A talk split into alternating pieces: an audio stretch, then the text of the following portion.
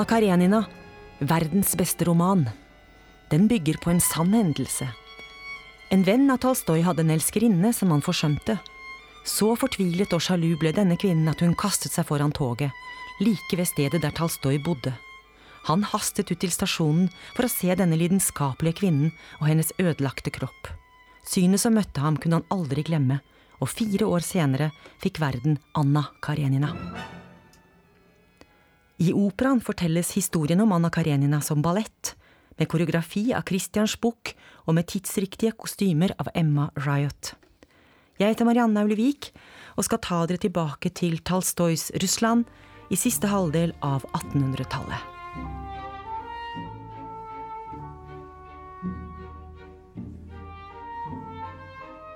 Lev Talstoy, uten tvil Russlands mest kjente forfatter, med sine 90 enorme verk. Hans verk er som en eneste stor selvbekjennelse. Man fornemmer mange av hans tanker og egne opplevelser i personene han skriver om. Han var en åndelig kjempe og inspirator på sin tid. Han påvirket både Mahatma Gandhi og Martin Luther King med sin lære om brorskap og ikke-vold. Han var en mann som hele livet søkte sannheten og meningen med livet.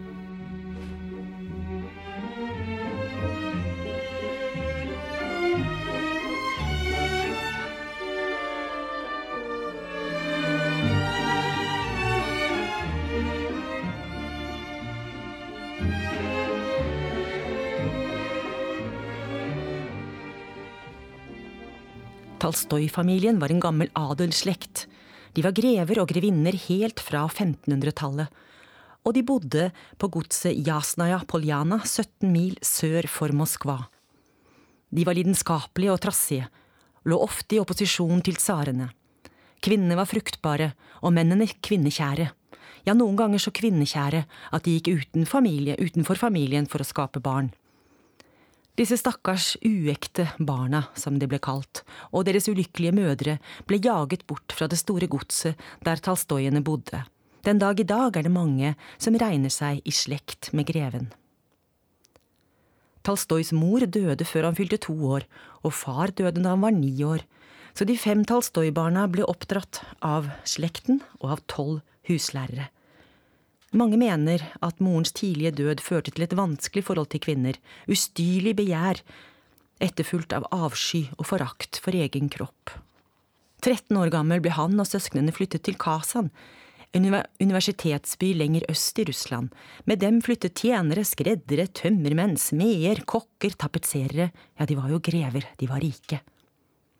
Lev Talstoy skulle studere orientalsk språk, men det gikk veldig dårlig, derfor ble han flyttet til juridisk fakultet av latskap. Men han vakte oppsikt blant lærerne når han kritiserte urettferdigheten i samfunnet. De fattige skulle kastes i fengsel, mens de rike unngikk straff gjennom bestikkelser. Han fikk senere nytte av jussen når han kjempet for bøndenes rettigheter. Han var kanskje lat i studiene, men i selskapslivet deltok han på utallige fester. Etter hvert fikk han også smaken på seksuelle utskeielser, og man kan vel trygt si at han levde et heftig sex- og singelliv. Han noterte alle sine erobringer i 13 dagbøker, som han senere forærte sin brud da han giftet seg. Samtidig prøvde han stadig å forbedre seg, med varierende hell. Da han var 19, overtok han Jasnaja Poljana, og fikk dermed 330 livegne menn. Han var sjokkert over hvor fattige og uvitende de var, så han begynte å holde skole for dem og deres barn. I en periode holdt han 20 skoler gående. Han ville gjerne gjøre bøndene sine lykkelige, han var som en far for dem. Samtidig satte han seg i stor spillegjeld, hygget seg med sigøynerkvinner, satte barn på tjenestepiker og prøvde stadig å forbedre seg.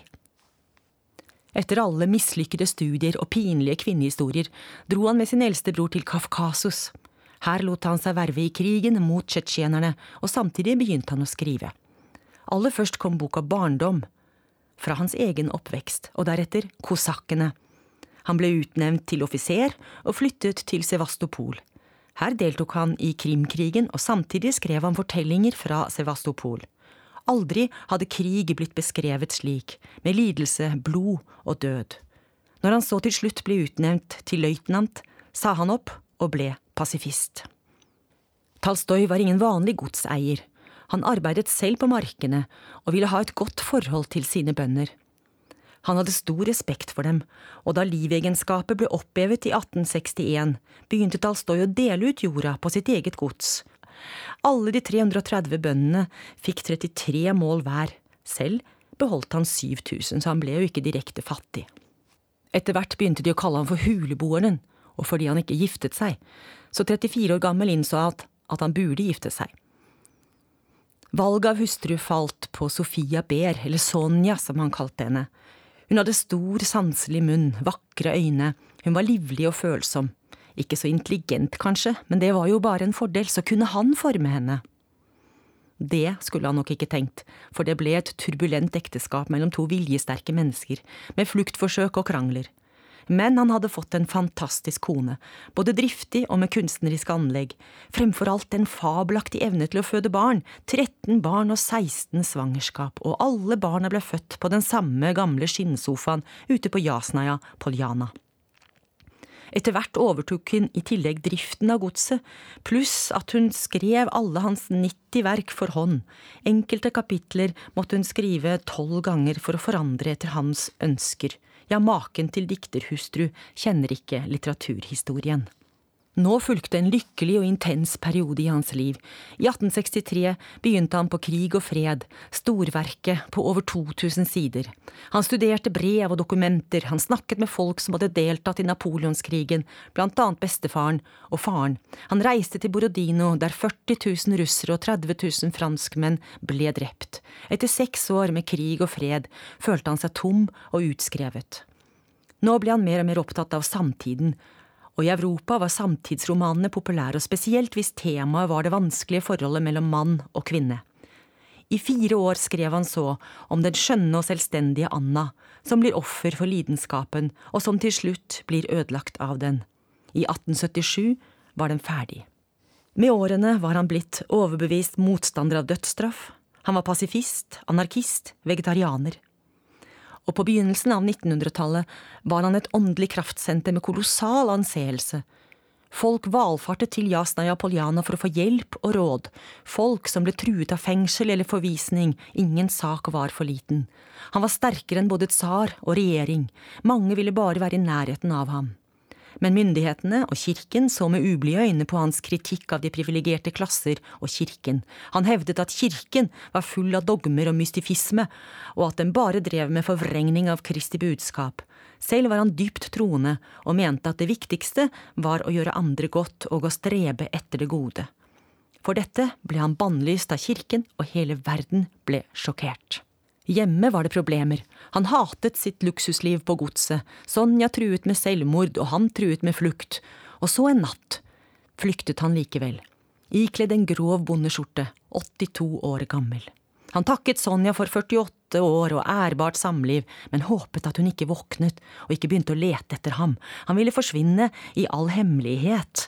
Men det gikk jo ikke, for tusener av journalister og fotografer fulgte etter den gamle mannen, og når han så døde, ironisk nok på en togstasjon i Astopovo, ja, så var det ikke lenge før hele verden visste om det. Han som hatet toget, og som mente at toget ledet folk inn i fristelser og ødela skogene. Han ville ikke forsones med kirken, han ville ikke ha dødsmesse. Han sa det, legg meg i en kjerre og begrav meg ved kjærlighetstreet på Jasnaja Poljana, la meg hvile omgitt av løvtrær og forglem meg jeg. Men husk, mine kjære brødre og søstre, lev i brorskap og kjærlighet og søk alltid etter sannheten. Christians Buch er en av Europas mest anerkjente og ettertraktede koreografer, utdannet i Stuttgart ved den kjente John Cranko-skolen. Nå er Christians Buch leder av Zürich-balletten, og det var til dem han skapte Anna Karenina i 2014. Og Nasjonalballettens dansere er de første som får danse Anna Karenina etter Zürich, og det er vi stolte over. Koreografien har et klassisk dansespråk, men med moderne vri. Danserne synes det er litt uvant, men gøy. Christians Buch har jobbet mye med de ulike rollefigurene, nesten som i et teaterstykke, og han har en egen fantastisk evne til å fortelle historien. Jeg gir danserne skjelettet, men så må de selv skape karakteren og sjelen.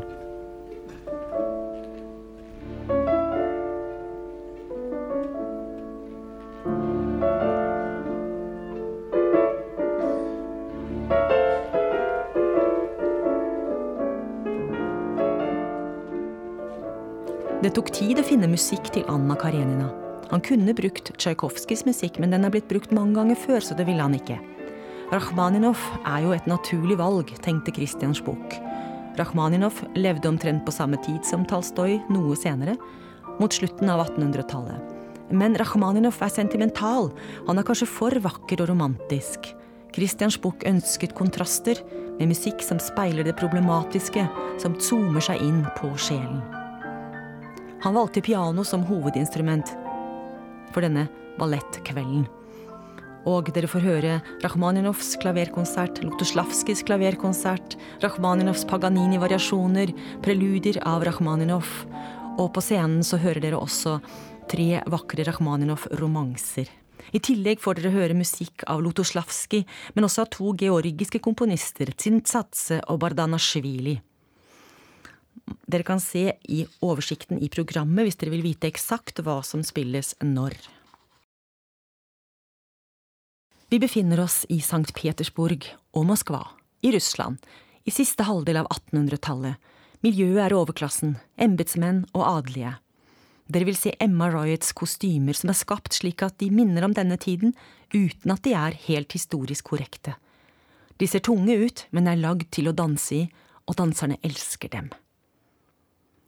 Aller først ser dere en samling mennesker i sorg. Men det er noen som utskiller seg. Det er herr Karenin, Annas mann, embetsmenn, embetsmann, høyt oppe på rangstigen, med kontakter nesten inn i regjeringen, anerkjent og respektert over hele Russland. Så ser dere Sirjosja, som er Karenin og Annas sin sønn, ni år gammel, og dere ser Lydia Ivanovna, som står sammen med Karenin. Hun er Karenins beste damevenn og har tilbudt seg å hjelpe til med oppdragelsen av Sirjosja. I sofaen sitter Vronskij, et menneskelig vrak, knust, ute av stand til å snakke, eller spise, eller drikke.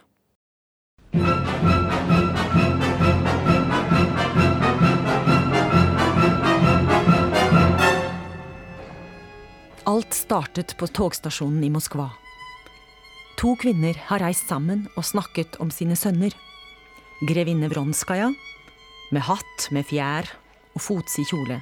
Hun har snakket om sin sønn Vronski. Og Anna Karenina om sin sønn Sirjosja.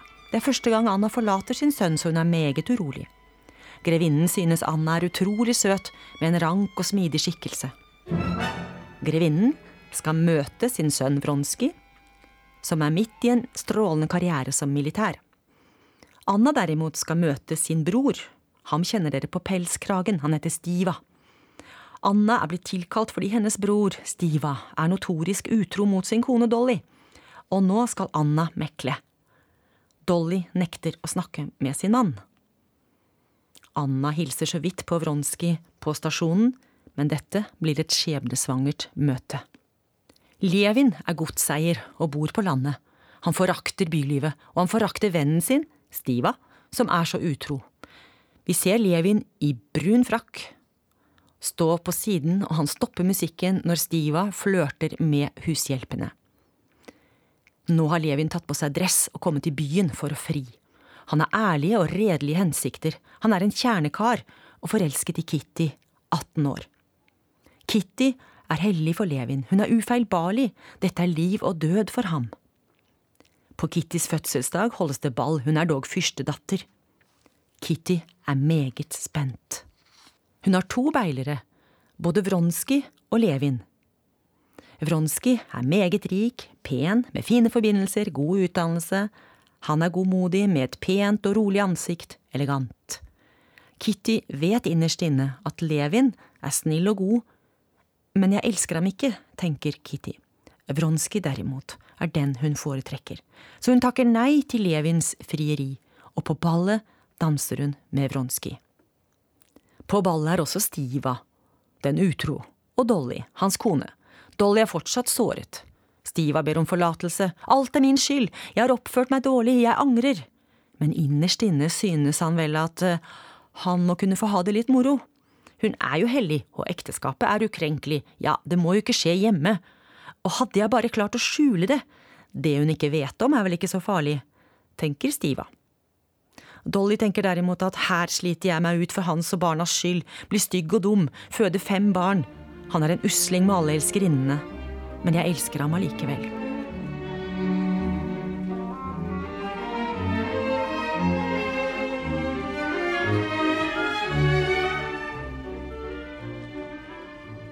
Wronski har ikke kunnet glemme Anna siden møtet på jernbanestasjonen, og nå håper han at hun skal åpenbare seg på Kittys ball.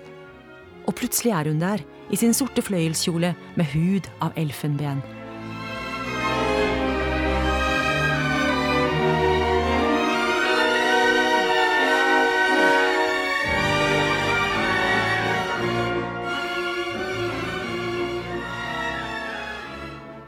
Kitty forstår at hun er sjanseløs, og Anna på sin side forstår at Kitty elsker Wronski. Så derfor forlater Anna Moskva en dag tidligere enn planlagt. I snøstormen på toget hjem til St. Petersburg ser hun at Wronski har fulgt etter henne. De vet jo at jeg reiser for å være der de er, sier Wronski. Han er helt fortapt i Anna. På stasjonen i St. Petersburg blir Anna møtt av Karenin og Serjosa. Karenin er like stiv og utilnærmelig som alltid, med sine utstående ører, sitt overlegne smil, sin tynne, pipende stemme og knoker som knekker. En kjedelig, selvbevisst skikkelse, motbydelig, synes Anna. Betzy, kledd i cerise, hun er lederen for den selskapelige sosieteten. Hun er en god venninne av Anna, og arrangerer stadig salonger der de rike treffes. De har jo god tid, de er ikke på jobb. Hun opptrer naturlig nok med følge, en kavaler og en hel masse menn. Pass på når dere ser Betzy i cerise kjole. Wronski venter tålmodig på Anna. Stiva og Dolly er stadig i konflikt. Godhjertede og kloke Anna forsøker å megle. Jeg kjenner min bror og vet at han angrer. Slike menn kan være utro, men familien er hellig for dem. Ja, ville du ha tilgitt ham, da? spør Dolly. Ja, jeg ville forsøkt å glemme det hele. Karenin vil forlate Betzys salong, men Anna nekter. Wronski har kommet. Anna har forsøkt å holde lidenskapen tilbake, men nå kaster hun alle livbøyer. Hun vet at hun blir ekteskapsbryterske og kan miste alt, hjem, mann, sønn og sosial posisjon.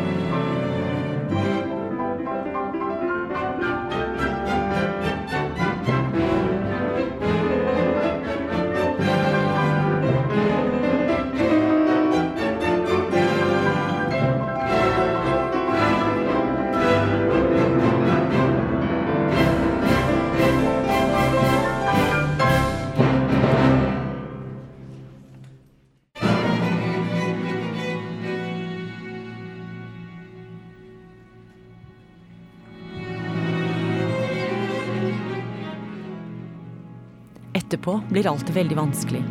Nå er alt forbi, sier Anna. Jeg har ingen igjen uten deg, det må du huske. Hva har jeg gjort, hva skal det bli av meg nå? Hva skal jeg gjøre for å redde meg selv? hvisker Anna. Wronski har én lidenskap utenom den han har for Anna, og det er hester. Han er selv også en god rytter. Under et stort hesteveddeløp med alle til stede, Karenin og Anna på første rad, kledd i sort, styrter Vronskis hest, og hesten brekker ryggen, og Anna skriker opp. Alle tar det som et tegn på at ryktene var sanne. Anna har et forhold til Vronski. Ja, det har vi jo snakket om. Anna tilstår for Karenin at hun elsker Vronski. Jeg elsker ham, jeg er hans elskerinne, men dem hater jeg og forakter jeg. Nå kan de gjøre med meg hva de vil. og det gjør han også. Levin er fylt av skam og smerte etter at Kitty sa nei takk til han. Men iherdig drift ute på godset gjør at han for hver uke som går, tenker mindre og mindre på Kitty. Arbeidsfolkene krever sitt, han må jo sette dem i arbeid, og han går selv med dem og sår. Anna er gravid og føder en liten pike.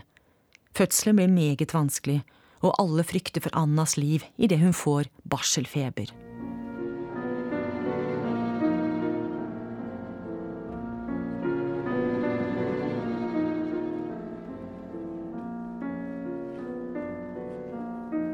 Vronskij er hos henne, og hun sender bud på Karenin også. Jeg vil dø med din tilgivelse, sier hun. De to mennene gir hverandre hånden.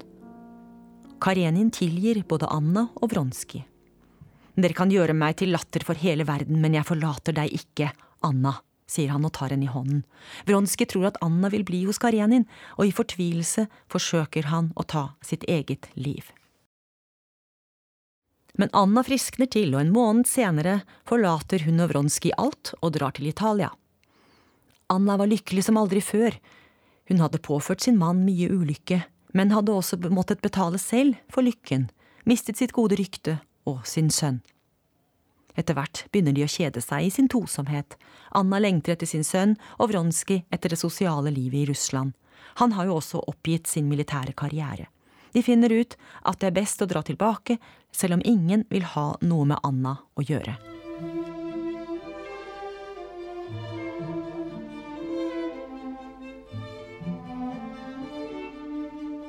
Kitty fikk et sammenbrudd etter at hun forsto at Vronsky ikke kunne bli hennes.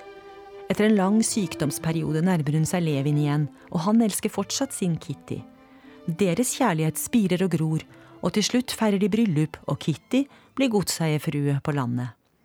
Levin er som Talstoy, glad i naturen og det enkle bondelivet.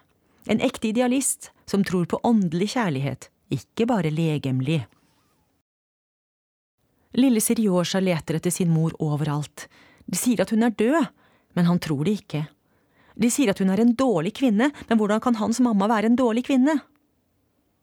Anna bestikker tjenerne, drar til Sirjosja på fødselsdagen hans, skal overraske ham tidlig om morgenen før Karenin har stått opp. Han har jo hvert eneste minutt på dagen opptegnet og følger også de rutinene. Tjenerne lukker opp, glade for å se henne. Vår lille due, er du kommet tilbake? Bare ikke Karenin våkner. Det gjør han, og rasende avbryter han besøket.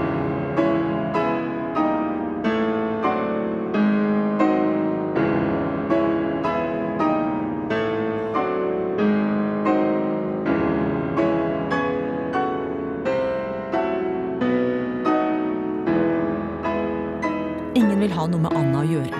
Hun drives ut i total isolasjon og ensomhet. Karenin vil ikke gi henne skilsmisse med mindre hun gir fra seg sønnen. Etter hvert blir Anna overbevist om at Vronskij ikke elsker henne lenger. Hun synes han har fått et kaldt og ondt glimt i øynene. Vronskijs mor, grevinne Vronskaja, har funnet en bra kandidat til sin sønn, prinsesse Sorokina, i hvit kjole. Grevinne Vronskaja mener hele romansen med Anna er håpløs og altfor lidenskapelig. Vronski blir presentert for prinsesse Sorokina, og Anna lider av sjalusi. Anna bebreider Vronski, Hun tar opium og kommer snart på tanken om at bare døden kan redde henne fra alt. Det er bare min død som kan gi meg seieren, sier hun, og straffe ham og befri dem alle fra meg. Tolstoy viser oss tre måter å nærme seg kjærligheten på i sine tre kjærlighetspar. Anna og Vronsky. Anna trosser samfunnets regler, kaster seg ut i lidenskapen og lever ut sine heftige følelser. Det går ikke særlig bra. Stiva og Dolly Dolly nekter lenge å godta mannens utroskap, men innser til slutt at hun elsker ham som han er.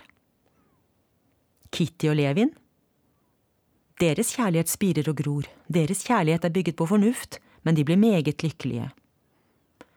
Talstoy var imot skilsmisse og for familien. Han var mot å sette egne behov foran lojalitet til familien, men han dømmer ikke Anna. Tvert imot, han tegner et vakkert portrett av henne. Han mener nok at mennesket er mangslungent, ingenting er svart eller hvitt. Og selv ikke verdens beste roman kan gi oss svaret på rett og galt i kjærlighetens verden.